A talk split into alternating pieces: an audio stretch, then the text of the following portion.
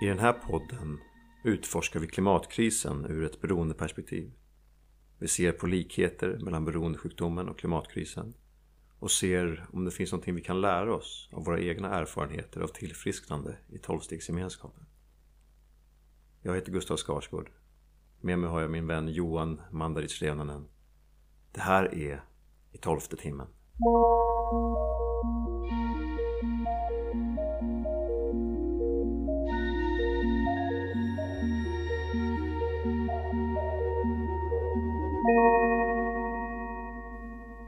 Gustav. Hej Johan! Hej. Hur mår du där bakom micken? Här bakom micken, jo men jag mår ganska bra. Mm. Det har varit eh, några soliga dagar nu. Eh, Fantastiskt. som har verkligen så här, dragit upp humöret. Och sen så just idag så blev det mulet igen. Eh, och det, sånt kan jag vara lite känslig för. Att vädret plötsligt slår om igen. Då tänkte jag, men vänta nu, skulle vi inte vara soliga och glada? och sen så var det mulet. Och så, så, så ja. Men lite mulet, men, men annars bra. Mm. Hur mår du? Jo, men bra. Efter den här två år långa vintern så känns det ju kul. Eller hur? Visst har den varit lång och tung? Ja, den var lång faktiskt. Jag såg en liten minifilm om snö Mm. häromveckan. Som var så himla fin. Verkligen som handlade just om liksom, vikten av ja, säsonger och vikten av vinter. Mm. Liksom för vår planet och för oss. För att vi ska kunna hålla den här planeten på den temperatur som vi mår bra av. Mm. Så att både jag och Josefina har varit så här. Vi ska aldrig klaga på snö igen. Nej, just det. Så det gav också ett ganska bra perspektiv. Ja, men det är sant. Eh, Det kan ju vara lätt. Jag kan ha lätt att gå in och bli liksom gnällig. Ja, men nu är det liksom den här månaden och nu skulle jag vilja att det, Ja. ja, att det var sol och vår i alla fall kanske. Men eh, med den så fick jag ett bra perspektiv. Mm. Det behövs. Och det är väl samma sak med mörkret också. Även fast det är det tung- tyngsta och det är ingenting som vi kan liksom göra någonting åt. Men mörkret är ju också, alltså jordens tiltning är ju också avgörande för säsongerna Ja. och regleringen av allt. Mm. Men det är tufft att bo så högt upp. Man får en sån smocka av mörkret så lång tid. Mm. Men vi har gratis, eh, nästan gratis sjukvård Ja. än så länge. Men nu sitter vi här då. Så har vi, vi har spelat in fem avsnitt Mm. av den här eh, podden som är ett, ett utforskande kring kopplingarna mellan beroende och klimatkrisen. Mm. Vad har vi lärt oss egentligen? Mm. Vad tar du med dig från, från de här fem avsnitten? Oj, det är jättemycket. Ska jag sammanfatta allt? Nu menar du? Nej, du kan, kan ju försöka i alla fall. Ja, nej men... Jag, jag, jag, jag vet inte om, om jag riktigt är i sammanfattningen än. Nej, jag kan ta det mot slutet. Ja, jag, jag, jag känner det. Jag, jag känner att jag, var, jag blev överrumplad nu Mm. av att plötsligt ska jag sammanfatta Ja. vad vi har pratat om under Ja. fem avsnitt. Ja.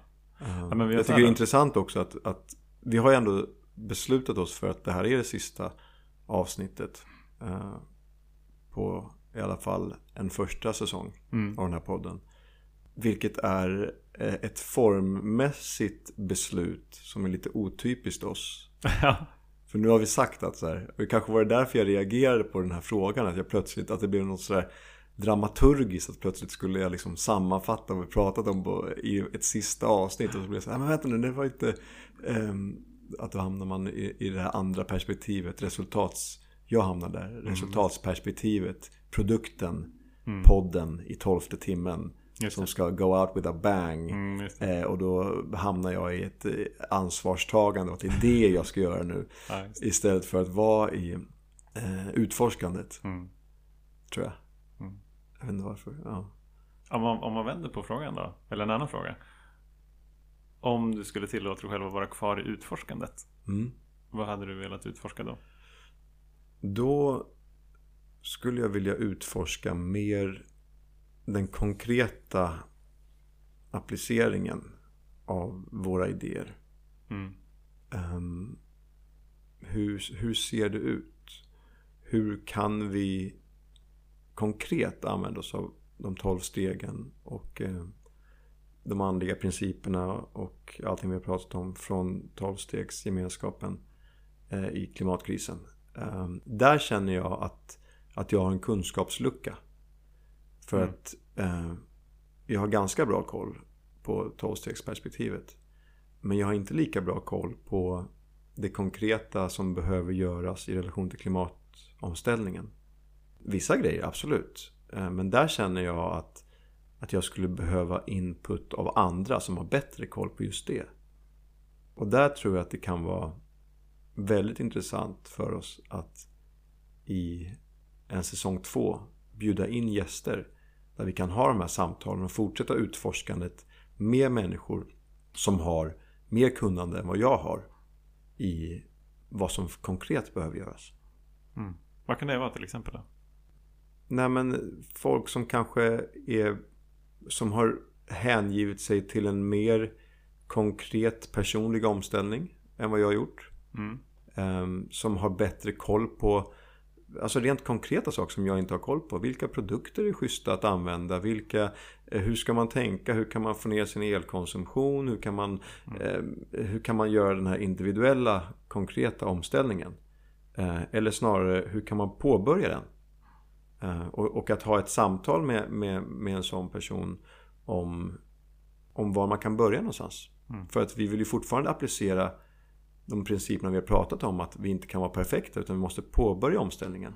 Och att vi inte kan, för annars är det så mycket lättare att vi, som vi har pratat om, att vi inte, att vi inte börjar någon omställning alls. Så dels den, det samtalet tycker jag vore intressant att ha med, med någon som har gjort den individuella omställningen. Kanske samtal med, vad vet jag, ekonomer. Eh, någon som, som vet mer på makroplan vad som skulle kunna göras. Eh, kollektivt, systemmässigt beteendemässigt psykologer. Det vore fantastiskt att få hit den där biskopen som skrev den där boken som jag pratade om förra veckan. Att eh, om han kunde komma hit och prata mm. om det andliga perspektivet på den nödvändiga omställningen. Kanske andra personer som har ja, som är bevandrade inom andlighet eller kunniga i livskvalitetsutvecklande processer. Um, Ja, det, det tycker jag vore intressant. Mycket utforskande kvar. Eh, verkligen. Ja. Verkligen. Och jag menar, alltså, du och jag har ju suttit här och kacklat tillsammans. Och bara du och jag har ändå genererat eh, sex avsnitt. Mm. Och, eh, och, vi skulle säkert kunna göra det i all evinnerlighet också. Men jag tror att det vore väldigt spännande att se eh, att bjuda in andra. För vi, vi är ändå ganska trygga i det här perspektivet känner jag. Och jag känner alltid att när vi samtalar med andra människor så det här perspektivet sitter så djupt i oss att vi alltid applicerar det ändå. Mm. Um, och det tror jag kan bli en häftig synergi. Ja, precis. Jag håller med. Och det, det var också det som var lite... Det var inte planen. Men det var en tanke. Att så här, låt oss se vad som händer om vi gör en första säsong. Mm. Och så får det vara vi två som sitter och pratar om det här för att någonstans få få tid och möjlighet att, att djupa för oss själva. Mm. Liksom, vad, vad, är det här för perspektiv egentligen? Mm. Vad betyder det? Hur kan det appliceras? Vart har vi luckor mm. någonstans? Eh, för att sen se, skulle vi vilja ta det vidare? Mm. Också. Så får vi se om det är några lyssnare där ute som hänger på. ja, men det återigen, det har vi också fått lära oss att det kan inte vi ta ansvar för. Nej, precis. Det är jätteskönt. Eh, det, det är jätteskönt. Mm. Vi har ju fått lära oss att så här, hänge oss åt ett arbete, ett osjälviskt arbete mm. och lämna över resultatet till våran högre makt. Mm. Eh, vi kan inte styra om någon svarar på det här eller inte eller lyssnar på det. det kanske, någon kanske gör det och, och svarar jättemycket på det. Mm. Eh, eller så kanske jättemånga som som, som gör det. Eller någon kanske svarar på det jättemycket och tar det vidare och fortsätter utforska perspektivet. Ja, precis. Så det, är det, det, det kan, måste vi släppa kontrollen över. Och återigen så är det en del utav själva projektet. Att inte tänka resultat. Att inte tänka profit. Att inte tänka vinning, personlig vinning. Nej, precis. Det får man tänka på att vi har ju pratat om I förra avsnittet pratade vi en del om gemenskap. Mm. Och så har vi pratat om, vi har ju pratat om beroende och tillfrisknande en del. Vi har nämnt ett annat koncept också lite grann som är service. Mm. vi har inte pratat så mycket om det. Det tänkte jag att vi kunde ta upp lite idag faktiskt. Mm. Att jag har märkt att alltså det, det är ju för att jag ska kunna hantera min sjukdom som är beroendesjukdomen. Så behöver jag de tre perspektiven. Gemenskap, tillfrisknande och service. Mm. Och jag behöver verkligen alla tre. Mm. Eh, De hänger ihop. de hänger De är ihop. sammanflätade. Ja, exakt. De genererar ju varandra. Så att Så just liksom service. Eh, min sponsor frågar mig varje dag. Har det varit till nytta idag? Mm. Det tycker jag också är en väldigt, det är en väldigt fin fråga. Verkligen. Eh, och vissa dagar ja, andra dagar nej. Mm. Eh, blir svaret tyvärr. Mm. Men det jag märker är hur min livskvalitet förändras och förbättras när jag är till nytta Mm. för andra. Liksom när jag har i alla fall stunder av osjälviskhet. Och när jag inte är till nytta för andra för att vara till nytta för mig själv. Eh, hur tänker du kring service? Nej men, men det är ju avgörande. Ehm, och det har vi ju varit inne på mycket tidigare. Att det är en del av lösningen. Dels att vi kan inte behålla det vi har fått utan att ge det vidare. Genom att ge det vidare så behåller vi det vi har fått. Eh, och sen också det här perspektivet att gå från extraktiva tänket till det alltså bidragande. Att gå från, från vad kan jag få ut av det till Mm, vad kan det. jag bidra? Mm. Det är ju verkligen service. Och att det här som vi gör nu är en, en typ av service. All, all det här eh, arbetet som vi gör där vi medvetet försöker vara till nytta för våran idé om Gud eller våran högre kraft eh, utan förväntat resultat Mm. är service. Och det kan ta sig många olika uttryck. Och sen så har vi också varit inne på att det i sig faktiskt också genererar en välmående. Mm. Ja, precis. Jag kan tycka att det är intressant med de här andliga perspektiven. För att det kan vara, eller det är ofta både medel och mål på samma gång. Det är det.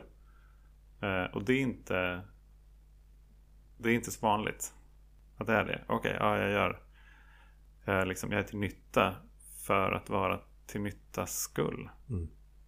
Det är så jag bidrar till Vår gemensamma välfärd Mm. Och därigenom så bidrar jag faktiskt också till mig Mm. För att jag är en del av det Och, och sen så också den här befrielsen då att, att, att, att medel och mål är detsamma. Eh, och målet, eh, det andra målet är ouppnåbart. För det är att, att utvecklas eh, och växa i en andlig riktning. Men du kan aldrig nå perfektion. mm. Eh, Så för det är bara idealen och idéerna eh, som är perfekta. Men aldrig människan. Mm. Eh, Så att jag kan alltid fortsätta. Och det är det som är målet. Målet är att fortsätta, fortsätta. Men ett, ett yttre mål kan ni aldrig nå. Nej. Om man inte, såklart, vilket absolut är en intressant diskussion, prata om verklig salvation eller upplysning eller så vidare. Men eh, så länge vi är i det här relativa universumet, i workshopen, så, så kan vi inte nå det där målet. Det där går ju lite stick i stäv med Vårat linjära tänk Mm. Att, här, att inte bli klar. Okej. Men jag tror att det finns någonting i det där också som i alla fall som jag behöver påminna mig själv om. Att eftersom jag aldrig blir klar då kan jag lika gärna vara som nöjd nu. Mm. Eller nöjd med det jag har i alla fall. Mm. Och så här, ja, jag kommer att fortsätta sträva men min lycka, mitt välmående ligger inte liksom bortom den punkten när jag är klar för den finns inte. Nej. Precis, och den finns bara nu. Ja, precis. Så att, så att, och det är det som blir paradoxen, att målet är ju nu. Mm. Att du är redan allt det, det du kan vara, du, du har redan allt det du behöver. Eh, och att den andliga utvecklingen är ju att lära sig att vara i det och känna det mer och mer och mer. Mm. Och därför hitta det här oberoendet av de yttre faktorerna. Och det är också därför, tänker jag, som det här är ett rätt filosofiskt samtal. Mm. Och jag, jag tror att det behövs för att hitta varför ska jag göra förändringar? Men om, jag, om jag kollar med mina linjära ögon på att göra en omställning så ser jag det som en uppoffring. Mm. Men om jag kollar på det med ögon från de här perspektiven då är det inte uppoffring mer. Mm. Det kan vara obekvämt och det kan vara lite skavigt och det kan vara liksom, allt möjligt. Men, men jag tror att det finns en utveckling där. Mm. Som jag annars inte liksom ser. Då ser jag snarare att så här, men jag får inte göra de här sakerna. Jag upplever att det är ett lidande. Liksom. Så därför tror jag att vi att vi behöver ha den här typen av liksom filosofiska diskussioner och även prata om praktiska grejer. Mm. Men inte bara liksom det ena eller andra. Bara filosofi så händer det liksom inte så mycket. Men bara praktiska saker så tror jag inte att man orkar göra det. Nej. Jag orkar inte vara i uppoffring hela tiden. Nej. Alltså det finns inte en chans. Men sen är det alldeles också, sen är det beror ju på, jag menar, vi är ju bara två, vi är ju bara två individer. Mm. ehm, som återigen inte är representanter för någon tolvstegsgemenskap. Utan vi är bara två individer som delar den erfarenheten. Och så som du och jag pratar med varandra kommer ju alltid påverkas av vilka individer vi är. Mm. Mm. Eh, och då kanske, då kanske våra samtal blir filosofiska.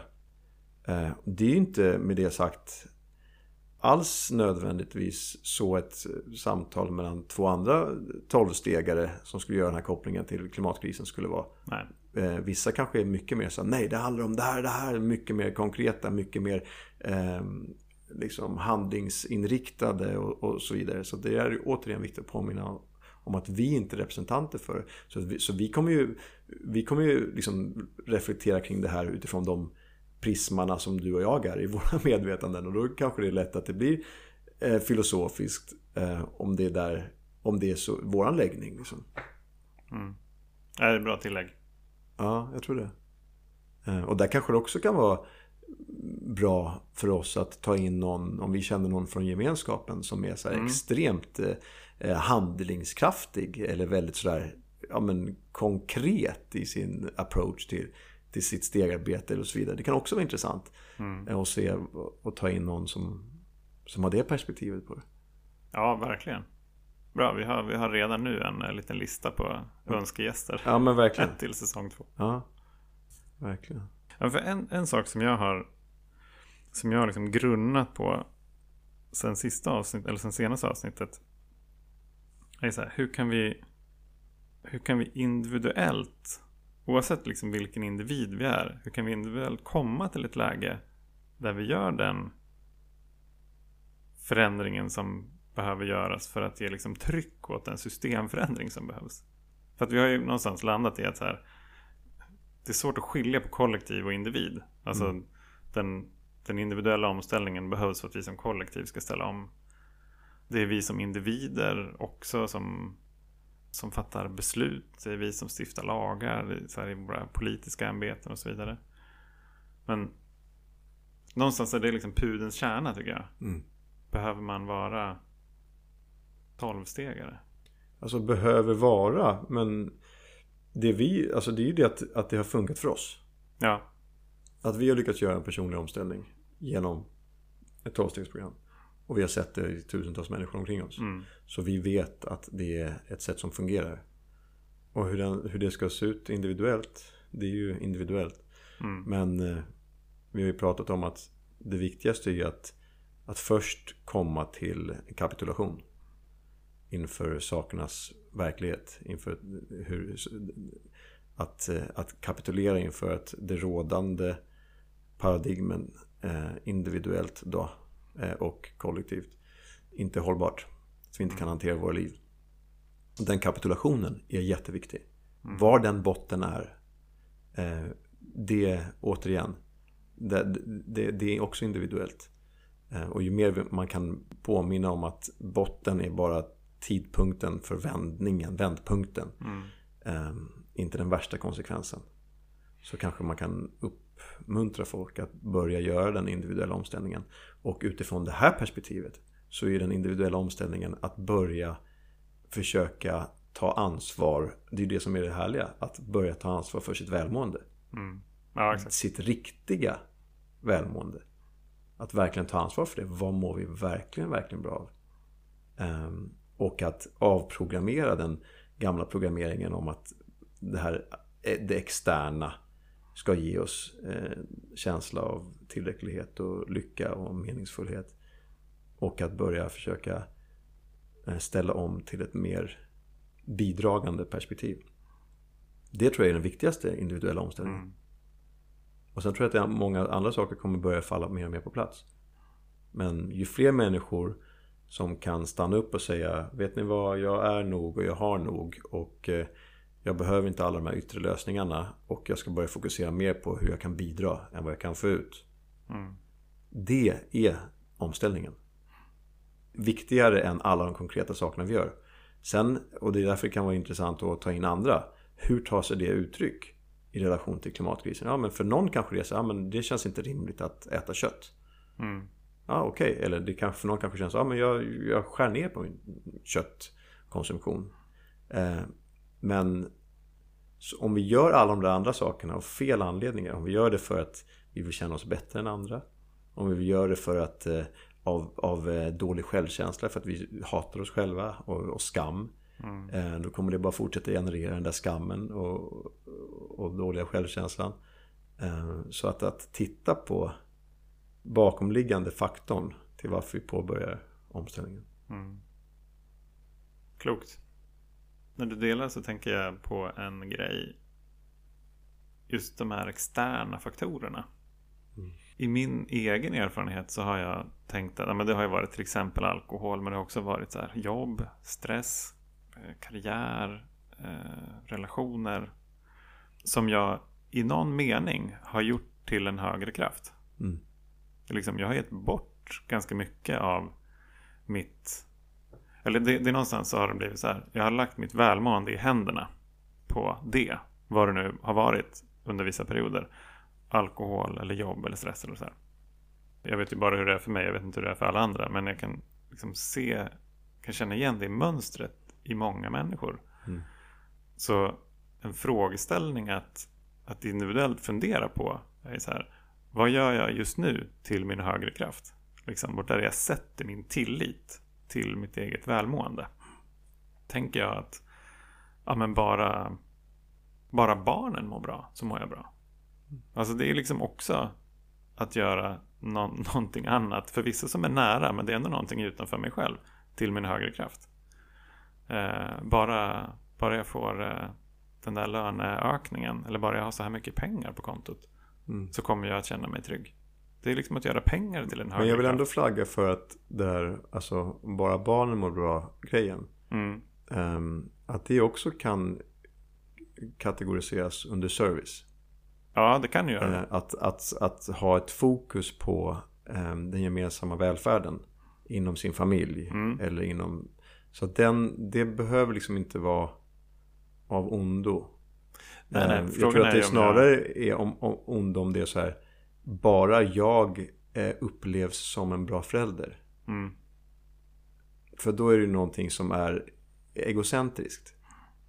Eller bara mina barn ser, eh, du vet, har fina kläder, ser mm. bra ut. Eller så här. Då har man liksom, absolut, men, men jag tror att en annan människas, att lägga fokus på en annan människas egentliga välmående. Det tror jag alltid är av godo. Så länge inte det kommer ur ett eh, medberoende perspektiv. Där, Nej, där det blir så här. Eh, om, där, där det blir villkorat, där mitt välmående blir villkorat ditt välmående. På ett eh, mm. medberoende sätt. Exakt. Ja men precis, det, det, är den jag är ute efter. Ja exakt, jag vill bara flagga, jag, flagga för ja, men det. men det är jättebra. Så här, om, jag, om jag bara mår bra när barnen mår bra. Ja. Då, då blir det där inte så bra. Nej. Då har jag lagt liksom mitt välmående ändå utanför mig själv. Ja.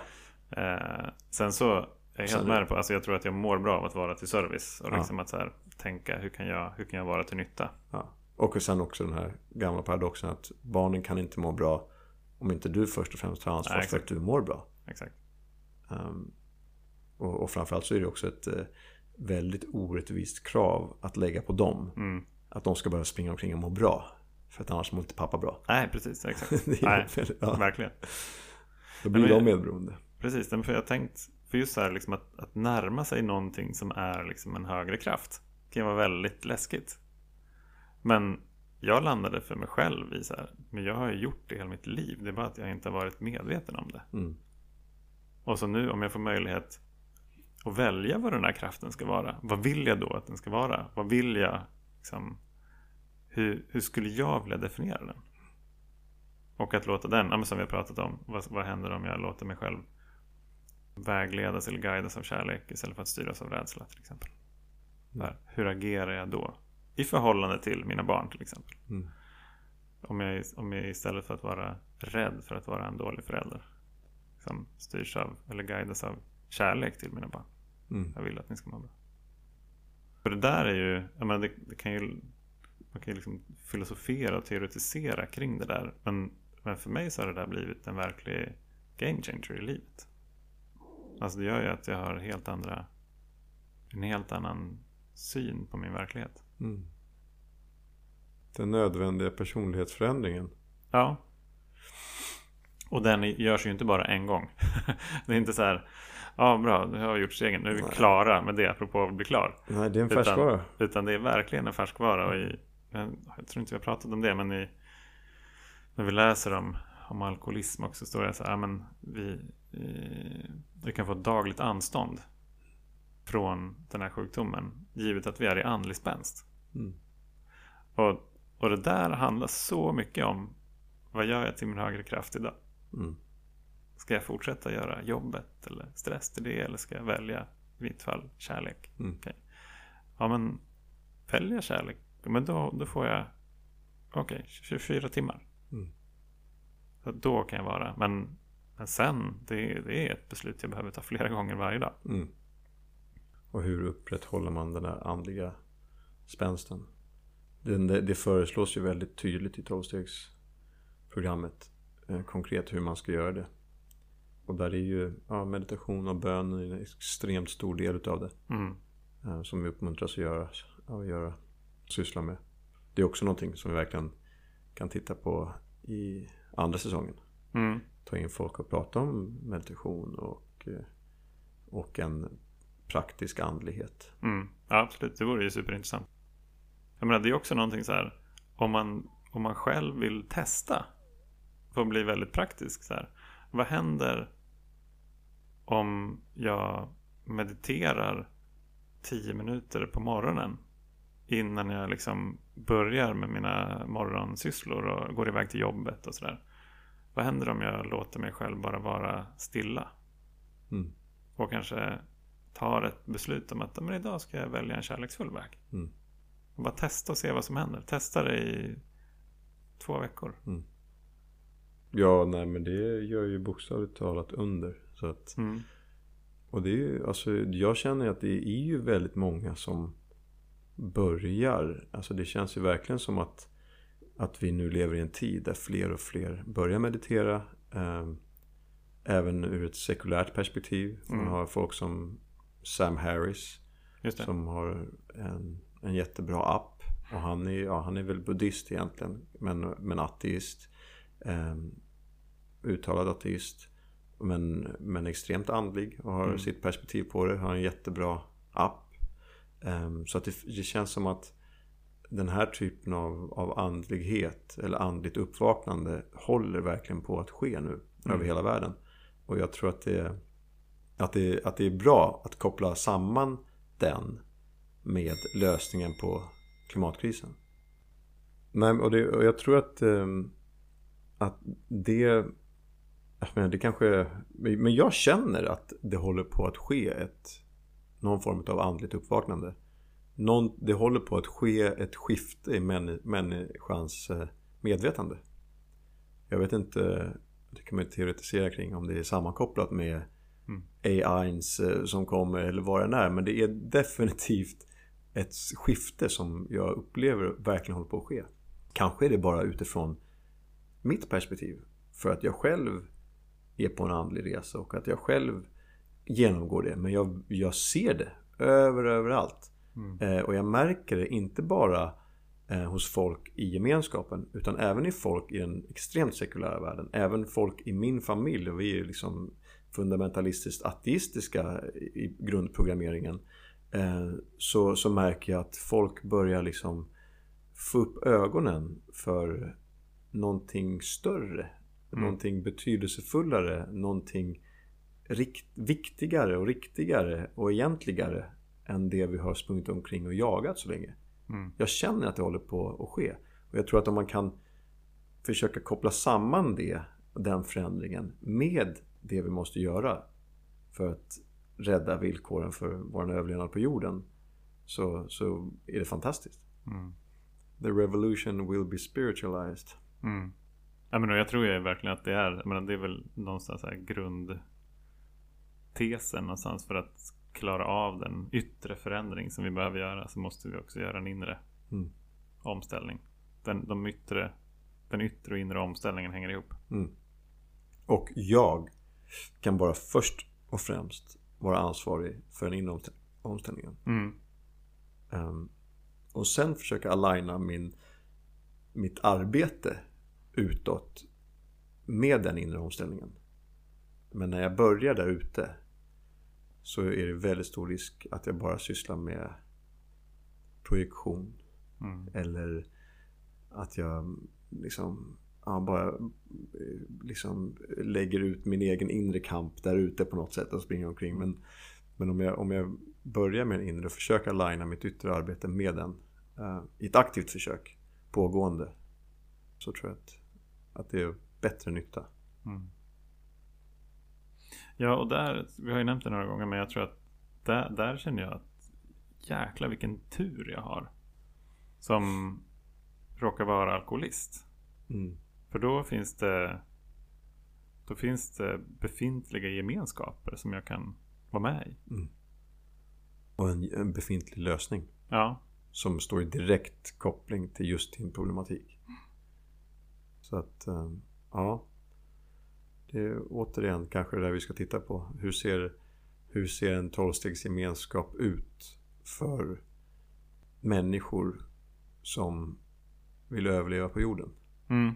Ja, precis. Och där liksom, ja men eh, i tolvstegsgemenskapen så säger man att det enda villkoret för, för medlemskap är en önskan att sluta med X, Y, mm. Z. Mm. Och hur skulle, hur skulle kriteriet se ut där då? Det enda villkoret för, för gemenskap är en identifikation som människa och en önskan att vi ska kunna fortleva på den här planeten. Jag vet inte hur man skulle... Precis. Eller liksom en önskan om att faktiskt göra den inre omställningen. Ja, kanske, det kanske räcker. Det är det, kanske det som är grejen. Mm. Oavsett om det är så här, omställning från vad då? Ja, från, från ett, ett liv, ett levande, en programmering som liksom bygger på att, på att någonting externt ska lösa mina inre mm. problem. Det vill jag. Det vill jag ställa om. Mm. För det förstår jag att jag behöver andra människor som kan hjälpa mig, spegla mig. Önskan att sluta leva alltså önskan att sluta leva ohållbart. Mm.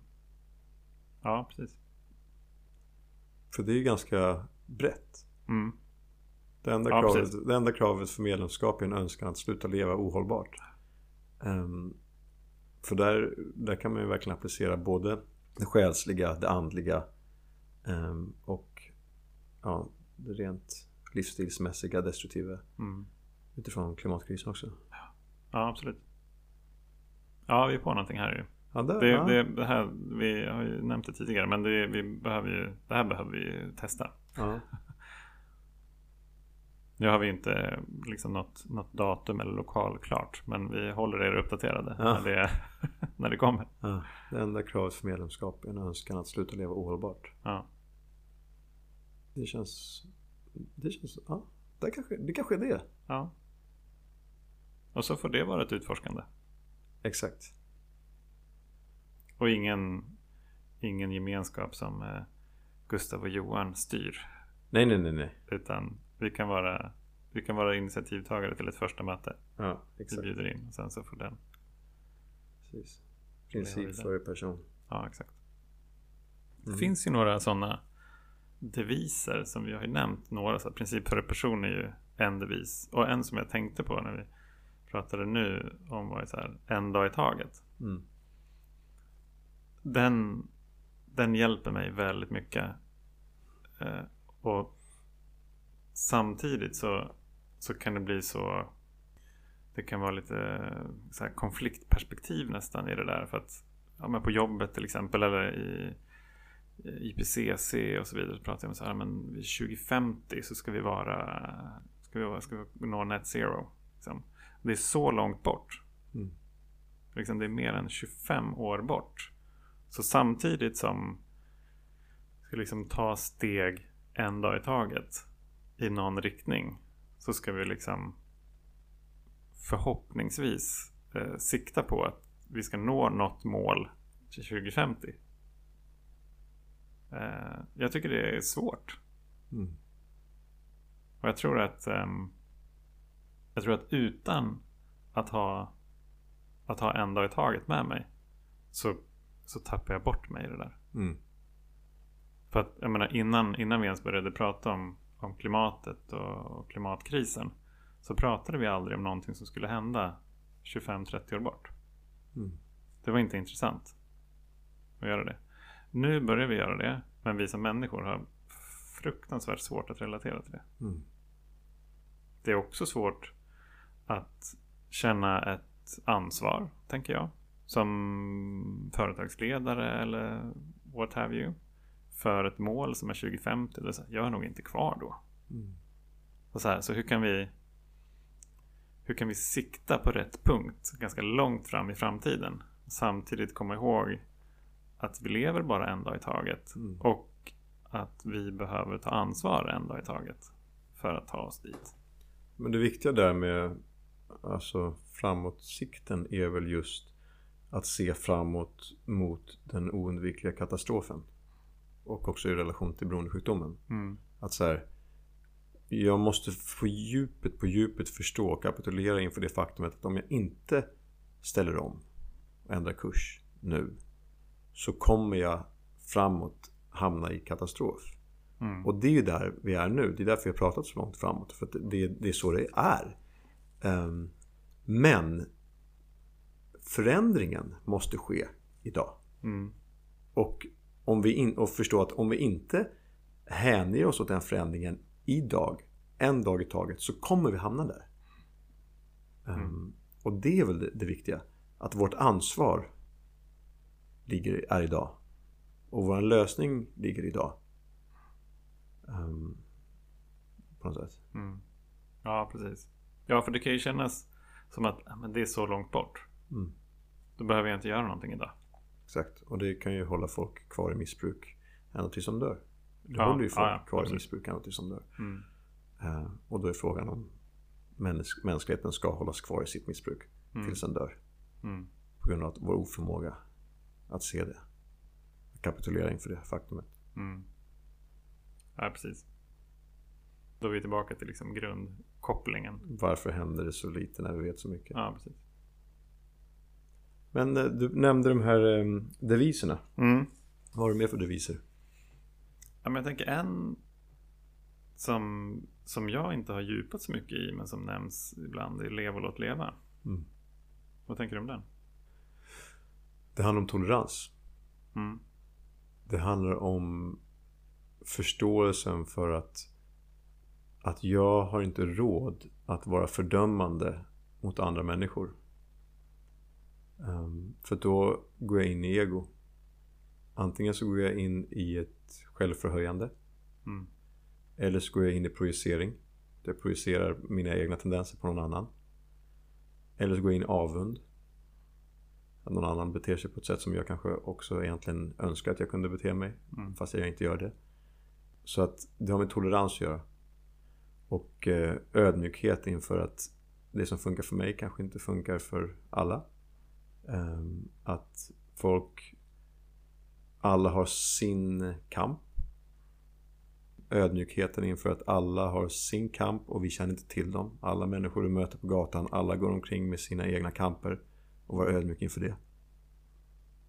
Så att lev och låt leva. Och jag tror också att det är viktigt i relation till omställningen att vi inte är så fördömande av varandra utan vi förstår att vi beter oss precis så som vi är programmerade att bete oss Mm. inom det här systemet. Gå runt och kasta paj på varandra och att vara fördömande och icke-toleranta tror jag är kontraproduktivt till omställningen. Till omställningen. Så det, det är så jag ser på Leva och låt leva. Tolerans för andra människors sätt att se på saker och ting, för andra människors sätt att leva, för andra människors eh, åsikter, livsstilar och att jag har inte råd att vara fördömande mot någon annan. Jag måste förlåta alla. För först då kan jag förlåta mig själv. Mm. Ja, det var en jättebra förklaring tycker jag. Min, eh, min sponsor frågade mig eh, här i veckan. Just apropå tolerans. Vad vill du ha rätt eller vill du vara fri? Mm.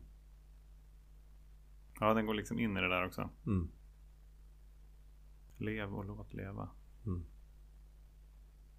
Alltså då, just det där, jag såg, jag såg framför mig några som kastade paj faktiskt. Står och kastar paj på varandra. Och så är vi på den här stora, stora bollen. Och den är liksom, den är på ett sluttande plan. Och så här, istället för att vi jobbar tillsammans och så här, försöker, och, Få rätsida på det. försöker få rätsida på den så står vi och kastar paj på varandra. Mm. För vems fel är det egentligen? Eller den här bollen rullar inte. Och jo men det gör den visst. Och hur snabbt gör den det? Och varför gör den det? Där är det ganska lätt att koppla till Ukraina-krig och, och andra mellan internationella konflikter. Mm. Och eh, ja, vad är eye on the ball? liksom. Ja precis. Exakt. Vi, var ska vi verkligen förflytta våran blick och våra resurser och vårt engagemang och vårt, våra ansträngningar nu som mänsklighet? Mm. Ja precis. Jag menar det vore ju. Jag vet inte varför jag kommer att tänka på det. Men det vore ju sjukt intressant att se vad som skulle hända om vi skulle bli attackerade av eh, Mars. Mm. Hur skulle vi göra då? Då tror fan att vi skulle mobilisera tror jag. Mm. Eller? Såg du inte Don't Look Up? Ja, Ja, nej, men det, det var ju en, bra metafor för vår oförmåga att agera som vi borde. Men, men absolut. ja precis. Ja, det kanske är jag som är naiv och tänker att det skulle Men, men visst, visst är det så. Alltså, men det är ju det som är problemet. Att det finns så pass mycket intressen som motarbetar vårt egentliga behov att enas som en mänsklighet för artens fortlevnad för planeten. Mm. Ja, men och de där intressena. De bottnar ju ofta i ohållbarhet. Enbart. Kortsiktighet. Ja. Så att egentligen, det, det, det är det där som är så intressant. Att de där intressena är ju egentligen inte i vårt intresse.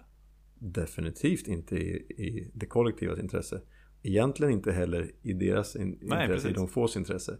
Ehm, men det, då är det den här kortsiktigheten. Mm. Egoismen. I ordets rätta bemärkelse. Mm. Övertygelsen om att jag förtjänar att få leva för alltid. Eh, och att jag förtjänar att få ha allt jag vill ha. Mm. Och att jag förtjänar att det är inte så, det är inte så den här li- livsgrejen fungerar. Det är en stafett. Ja. Vi ska lämna över pinnen. Som jag ser det. ja, precis. Jag tänker en annan, en annan devis är då det viktigaste först. Mm. Som jag också kan, så här om jag, om jag gör jag till det viktigaste först. Så kan jag ju tro att så här, men då, då tar jag hand om mig själv. Mm. Men det är ju egentligen inte så. Alltså med tanke på att jag är ändå beroende av andra människor. Mm. Jag är beroende av en gemenskap. Ja, och sen återigen där så har ju det där blivit kapat. För när man säger eh, det viktigaste först, eller first things first, Mm. i gemenskapen, då syftar man ju ofta på att vi måste sätta nykterheten först. Mm. Och att vi måste göra, för att allting, ingenting annat i mitt liv kan fungera om jag inte sätter nykterheten först. Mm. Eh, För den är en förutsättning för att allting annat ska fungera. Eh, Och nykterheten då är ju just den här andliga spänsten. Mm. Eh, De här principerna. Allt det här, för att nykterheten är ju en konsekvens av det arbetet. Mm. så det som menas med first things first är att man sätter det där arbetet först. Eh, och att det får en ringa på vatten-effekt då i alla våra andra angelägenheter. Mm. Um, att det är det som måste komma först. Och på ett sätt så är det egocentriskt. För att jag tar ansvar för mitt andliga välmående och min andliga utveckling. Och som ett resultat därav fungerar jag. Mm. Om jag inte gör det så kommer jag återfalla i substans och alkoholberoende. Det är så svartvitt för mig. Mm. Um, och uh, därför så måste jag göra det här egocentriska, tillgodose mina behov, göra liksom det här andliga arbetet för att inte eh, falla tillbaka. Eh, och det kan ju såklart ibland sticka i ögonen på folk i ens, i ens omvärld som är såhär, ha Ska du gå iväg på något möte nu eller ska du göra det här? Men jag har ju förstått att för mig är det livsviktigt för ingenting annat kan fungera om jag inte sätter det här först. Så på så sätt så är det quote unquote egoistiskt. Mm. Um, om man ser på det utifrån. Men det det genererar är ju eh, att den stora delen av lösningen är ju att jag ska tänka att jag ska vara bidragande. Ja, precis. Eh, så det är det som är det. Så, så det är liksom lite paradoxalt. Okay, men jag, first things first är att jag ska ta ansvar för min andliga utveckling, mitt andliga välmående genom att anstränga mig själv för att vara till nytta för andra. Mm. Ja, precis. Men i det så är jag också till nytta för andra. Yes. Och definitivt mer än om jag inte sätter det där först. Ja, precis. För då kommer det gå väldigt fort innan jag inte bara är inte till nytta för andra utan jag också ställer till det för andra och skadar ja, andra. Precis, och där om man tänker liksom regenerativt så är det det regenerativa. Så här, om jag har möjlighet att liksom bidra bidra mer än jag tar. Mm. Men för att kunna göra det så behöver jag ta ansvar för ja. min egen andliga spänst. Precis. Men så, så, att, så att istället då för att säga så här, ja men folk ska switcha om och bli helt altruistiska på, över en dag. Mm, um, så, så, så återigen, den, att, att, att någonting mänskligt har blivit kapat av systemet att eh, egoismen, eller egocentriciteten, individualismen också är kapad. För att man, vi stannar vid jag sätter mina behov först. Eh, och när vi, när vi har felaktiga behov så sätter vi så här, men jag sätter min liksom rätt att ackumulera och konsumera och uppleva, det sätter jag först. Eh, istället för att sätta den verkliga välmåendet först, alltså den här syrgasmasken på planet eh, mm. Sätt på, du måste sätta på dig syrgasmasken på dig själv först innan du kan hjälpa ditt barn. Um, men, men vi stannar liksom vid syrgasmasken på oss själva. ja, precis. Och ännu mer kanske. Jag vill ha tio syrgasmasker. Ja, exakt. Mm. Jag vill ha allas syrgasmasker mm. här inne. Mm. Vi börjar ta av varandras syrgasmasker. Vi mm. uppmuntras att tas av varandras syrgasmasker. Mm. För vad händer om jag blir av med min? För någon annan kanske kommer att ta min syrgasmask. Så då måste jag ha tagit alla andras först. Ja, precis. Det är där vi sitter. Ja. Mm. På en stor boll. På en stor boll. ja. ja, men återigen så slås jag av att omställningen är både nära och långt borta samtidigt. Alltså den, den kan ju vara individuellt momentan. Verkligen. Och jag tror att vilket är det intressanta att när man hänger sig till den eh, så ser man den överallt. Mm. När man gör den själv så ser man den överallt. Ja precis och det är ju egentligen Jag menar det att vi gör den här podden är ju som ett steg 12. Som att föra budskapet vidare och att applicera de här principerna i alla våra angelägenheter. Där det här är en väldigt viktig angelägenhet. Och det innebär ju också att vi i den mån vi kan försöker applicera de här principerna på jobbet, i familjen, i våra vänskapsrelationer, i alla möjliga delar av, av livet. Och ibland går det, ibland går det inte så bra. Men, mm. men att det är det fortsatta utforskandet också. Mm. En, en annan sån grej som jag har tänkt lite på är sinnesrobönen. Mm. Hur går den? Ja men Gud, ge mig sinnesro. Att acceptera det jag inte kan förändra. Mod att förändra det jag kan och förstånd att inse skillnaden. Vad innebär den för dig? Ja, men det innebär att jag har en... När jag kommer ihåg den, ska jag säga, så har jag liksom en lins som är så här. Vad av det här har jag möjlighet att påverka? Att jag i alla fall ställer mig frågan. Um, och jag kommer ihåg Alltså när jag påbörjade mitt tillfrisknande så, så var det där en sån game changer. Mm. Så så här, wow, vad mycket energi och kraft och fokus jag har lagt på att försöka förändra saker som inte går att förändra. Till exempel andra människor. Eller eh, liksom förutsättningar. Mm. Här, just nu är det så här. Ja, jag vill verkligen inte att det ska vara så här. alltså, just nu så är det det. Och de här personerna är så här. Så det, är bara, det är bara mig själv som jag kan förändra. Mm. Eller om jag, inte, om jag inte trivs i ett sammanhang. Men jag kan välja att lämna då. Istället för att försöka förändra på alla personer i det där sammanhanget så kanske jag inte ska vara där. Mm. Det är också okej. Okay. Så att, att någonstans att när jag applicerar den bönen då bidrar jag till livets flöde.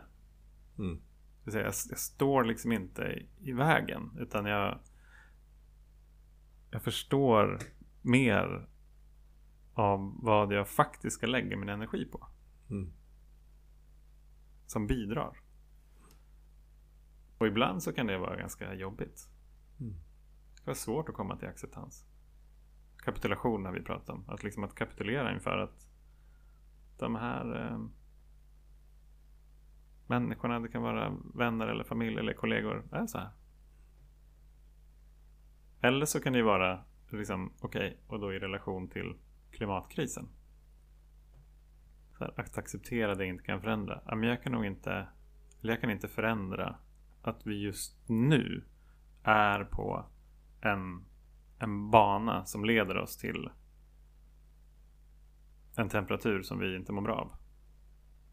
Just nu är det så. Det jag kan förändra det är däremot mina handlingar idag.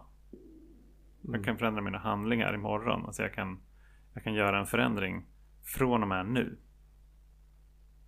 Skulle man, skulle man inte kunna säga att, att eh, det du inte, för det, dina handlingar är ju då en bidragande faktor till att faktiskt förändra det där första du sa. Ja, absolut. Eh, skulle man inte istället kunna säga att du kan inte förändra att koldioxid påverkar klimatet? Mm. Det kan du inte förändra. Nej.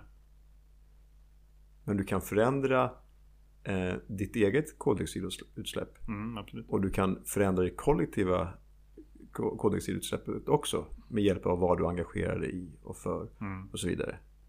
Så du kan inte förändra villkoren för alltså att, att koldioxid höjer temperaturen på planeten. Eh, men, men ganska mycket kan vi faktiskt förändra mm. i relation till klimatkrisen. Och ja, visdomen att inse skillnaden.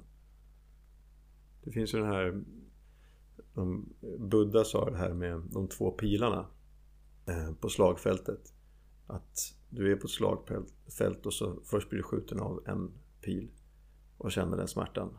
Och sen blir du skjuten av en pil till eh, och känner ännu mer smärta. Mm.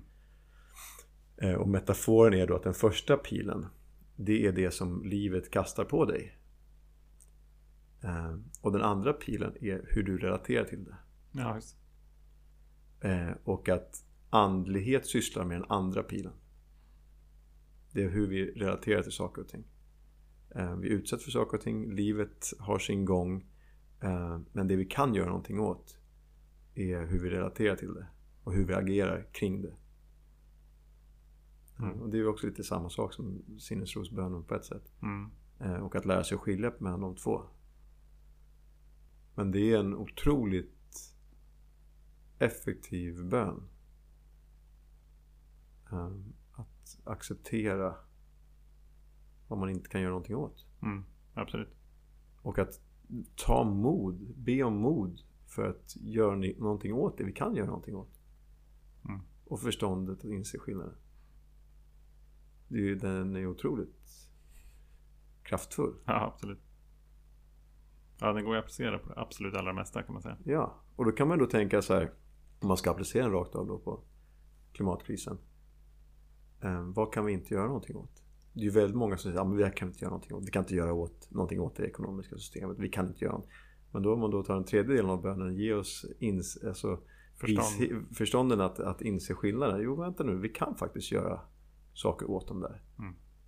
Och andra delen, modet att, att, att göra någonting åt det. Och sen eh, förståndet att se vad vi, eller acceptansen, vilket vad, vad vi inte kan göra någonting åt. Mm. Andra människors beteende. Ja, precis. Eh, Om inte lagstiftar. Ja. ja, exakt. Så då är vi återigen på tredje delen av bönen. Ja, precis. Ja, men det är just Just systemomställningen är ju en sån grej som, vi, som det är lätt att tro att vi inte kan göra någonting åt. Mm. För att det känns så um, stort och det känns nästan som en naturlag att det ska Mm. vara så här. Men det är vi som har konstruerat allting. Mm. Exakt. Det är vi som har skapat marknaden med alla mekanismerna där i. Annars skulle den inte fungera. Mm. Vi kan ändra på den om vi vill. Verkligen. Men då ska det finnas modiga politiker till exempel. Mm. Modiga medborgare. Som också vågar hänge sig åt någonting som, in, som är någonting annorlunda än det som är idag. Mm. Men det är inte klart. Exakt. Just den där, eh, jag kommer inte ihåg vilket avsnitt det var, men så här, handen från spisplattan där. Mm. Precis. Vi måste lyfta handen. Mm. Nu. Utan att veta vart vi ska sätta den. Mm. Och om vi kan gå från ett läge där det känns läskigt till ett läge där vi väljer att det känns utforskande. Mm. Hoppfullt. Hoppfullt. Exakt. Spännande. Mm. Också lite läskigt kanske, men vi gör det tillsammans. Mm. Det är okej att känna att det är lite läskigt. Mm. Men vi behöver inte låta den rädslan hindra oss från att faktiskt göra det vi måste. Nej. Och vi kan göra annorlunda. Det är ju liksom också ett... Jag menar om... Om, man vänder på det liksom om... Om både du och jag, två hopplösa alkisar har lyckats göra en förändring i våra liv. Då kan alla göra det. Och det är inte någonting som är dyrt eller exklusivt eller, eh, eller bara få förunnat. Det är inte det. Så det är också hoppfullt tycker jag. Mm. Frågan är hur stor, hur stor är vår individuella och kollektiva önskan om att sluta leva ohållbart. Mm. Hur går dina tankar eh, nu då Gustav? Slutet på sjätte avsnittet. Kring den här resan som vi har varit på tillsammans. Mm. Nu kan vi sammanfatta. Nu kan vi sammanfatta. Vi har alltså tittat på klimatkrisen utifrån ett beroendeperspektiv. Mm. Vi har kommit fram till att de är oskiljaktigt identiska i hur de är uppbyggda, hur de upprätthålls.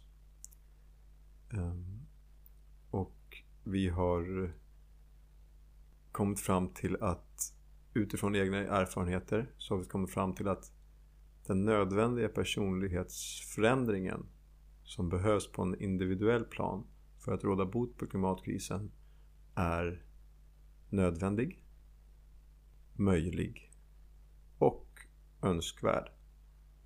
För den kommer leda till ett rikare och bättre och mer kvalitativt liv. Vi har tittat på mycket av den andliga aspekten av tolvstegsprogrammet. Ehm, Och tryckt på vikten av att Nej, men vi har då tittat på de andliga principerna och att det är ett andligt handlingsprogram. Um, våga prata om andlighet i Mm. vår sekulariserade värld. Ehm, vi har tittat på vikten av att gå från ett vad kan jag få ut av det tänk till ett hur kan jag bidra tänk. Och att det faktiskt är någonting som är eftersträvansvärt också upplevelsemässigt. Att det är någonting som vi mår bra utav. Mm.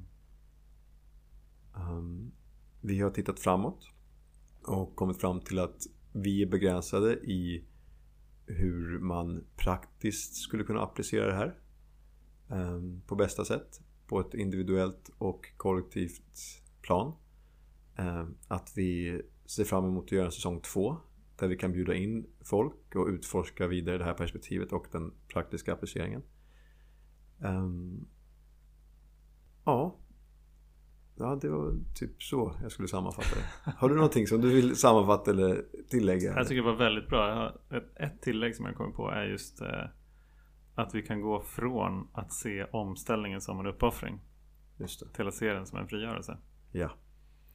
Eh, och det har jag mm. så fruktansvärt starka personliga erfarenheter av. Mm. Eh, så jag vet att det är sant. Mm. Frigörelseprocessen. Ja. Den pågående, fortsatta, evigt växande frigörelseprocessen. Riktig tillväxt. Mm. Andlig tillväxt. Inte materialistisk eller monetär tillväxt. Nej, precis. Och att det med det sagt kanske är uppoffring vi håller på med nu. Exakt. När vi inte tillåter oss i att vara i frigörelse. Mm. Mm. Så jag tänker att vi... Vi är i begränsningen. Ja, precis. Mm.